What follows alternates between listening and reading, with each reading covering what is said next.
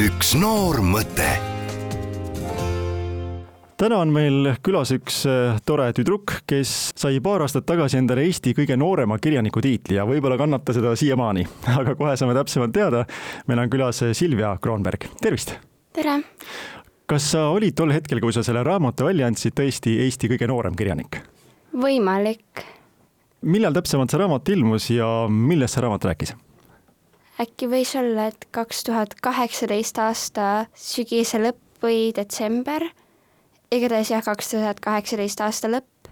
Ja see rääkis siis kaksikutest, kaksikõdedest, kes elasid talus koos oma venna ja lammaste ja koera ja kanadega ja siis nende ettevõtmistest seal.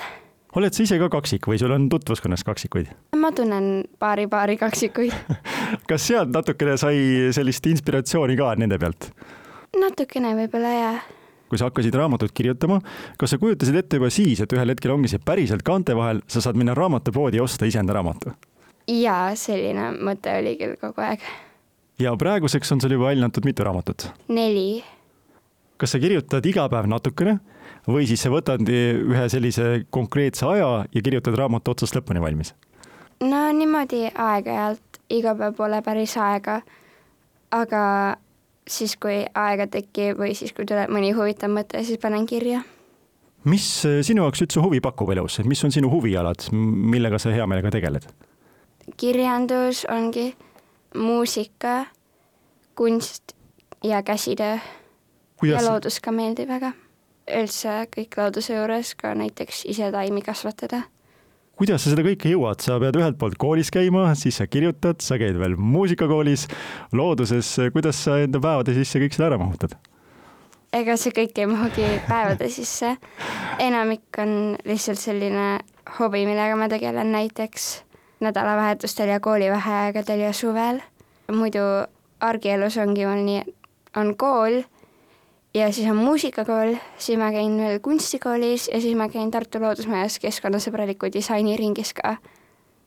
seda on ikka väga-väga palju ja paljud noored ütlevad, et oh, kogu aeg on igav ja midagi pole teha ja mida sa nendele noortele ütleksid, kes ütlevad, et kogu aeg on igav? tuleb midagi tegema hakata ja siis enam ei ole igav.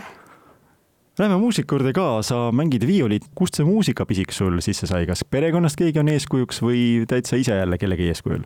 Just mul kõik pereliikmed ka mõtlevad, et äh, kust see muusika nüüd tuli, sest äh, meil peres keegi pole muusikat õppinud ega ei tegele muusikaga. aga no mu vanaisal, tal oli viiul, ma ei tea, kas ta seda mängis ka, ja tal oli kodus palju teisi pille, mida ta mängida oskas ja siis ma nüüd olen neid ka vahepeal mänginud ja võimalik, et sealt tuligi natukese aga praegu sa oled kindel, et muusikaga tahad sa tegeleda ka tulevikus, isegi kui sinust ei saa võib-olla viiuldajat kuskil orkestris, siis muusika sinu ellu jääb, mis sa arvad? kindlasti jääb. tahaks minna viiulit edasi ka õppima Ellerisse ja siis võib-olla veel kuhugi edasi. ja ikkagi, kui vähegi võimalik, tahaks tulevikus ka mm, kuskile orkestrisse pääseda tavaliselt ju mängitakse selliste klassikaliste pillidega ka klassikaliste autorite muusikat. kas siin ei teki selline koht, et sa tahaksid võib-olla mängida hoopis popmuusika lugusid, aga te peate mängima võib-olla klassikalist muusikat või sulle meeldivad mõlemad? ei no tegelikult solistina mulle meeldib klassikalist mängida pigem, aga väga hea on see, et meil muusikakooli orkester nagu tasakaalustab seda me oleme mänginud seal rahvaviise, me oleme mänginud seal niisama tuntud lugusid, mis on tulnud lihtsalt keegi on kirjutanud valmis nagu viimaste aastate jooksul, me oleme neid mänginud. näiteks praegu Malaisia reisiks äh, me valmistame ette Vellermanni, mis oli kõigepealt äh, siis üks rahvalaul ja siis mingi aeg muutus see väga populaarseks ja siis kõik kuulasid seda mingit äh, uut versiooni sellest ja see Malaisia reis tulebki teile veebruarikuus ja tegelikult tuleb täna õhtul kontsert, täpsemalt eh, Tartus Jaani kirikus Tartu üliõpilassegakoor, Tartu Tammekooli poistekoor ja Tartu Esimese Muusikakooli sümfoniettorkester. Te annate kontserdi ja eesmärk ongi selles, et te kogute siis raha selleks kontsertreisiks. just nii. ja Malaisia on sihtpaigaks, mis laadi paik see on, miks te just Malaisiasse lähete?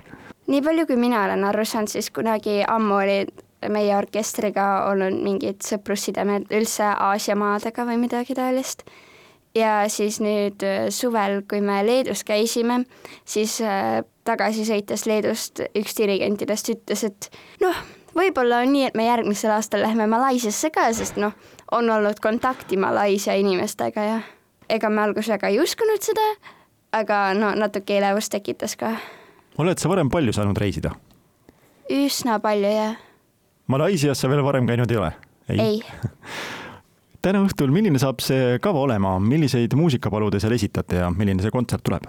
me esitame paari jõululaulu, siis Tartu Tamme kooli poistekooriga koos, siis nat-, natuke filmimuusikat ja siis Johann Sebastian Bachi klaverikontsert F-moll tuleb ka esitamisele.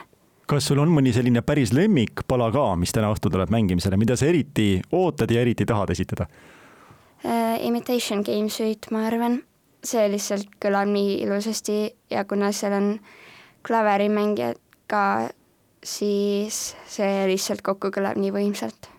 kui palju sa jälgid näiteks Eesti Laulu tegemisi ja neid artiste, kes seal osalevad?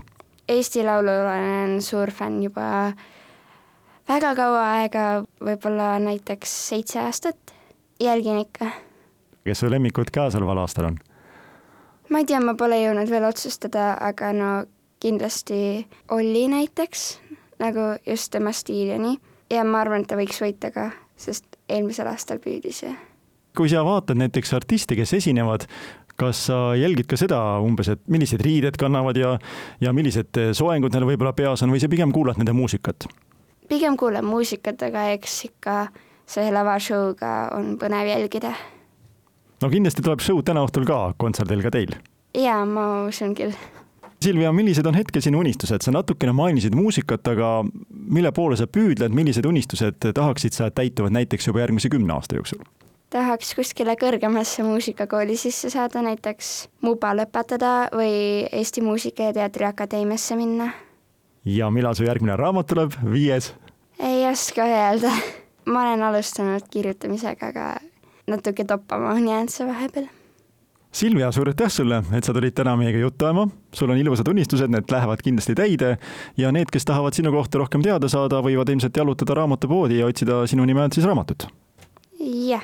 aitäh sulle, ilusat lähenevat jõuluaega, toredat aasta lõppu ka! jah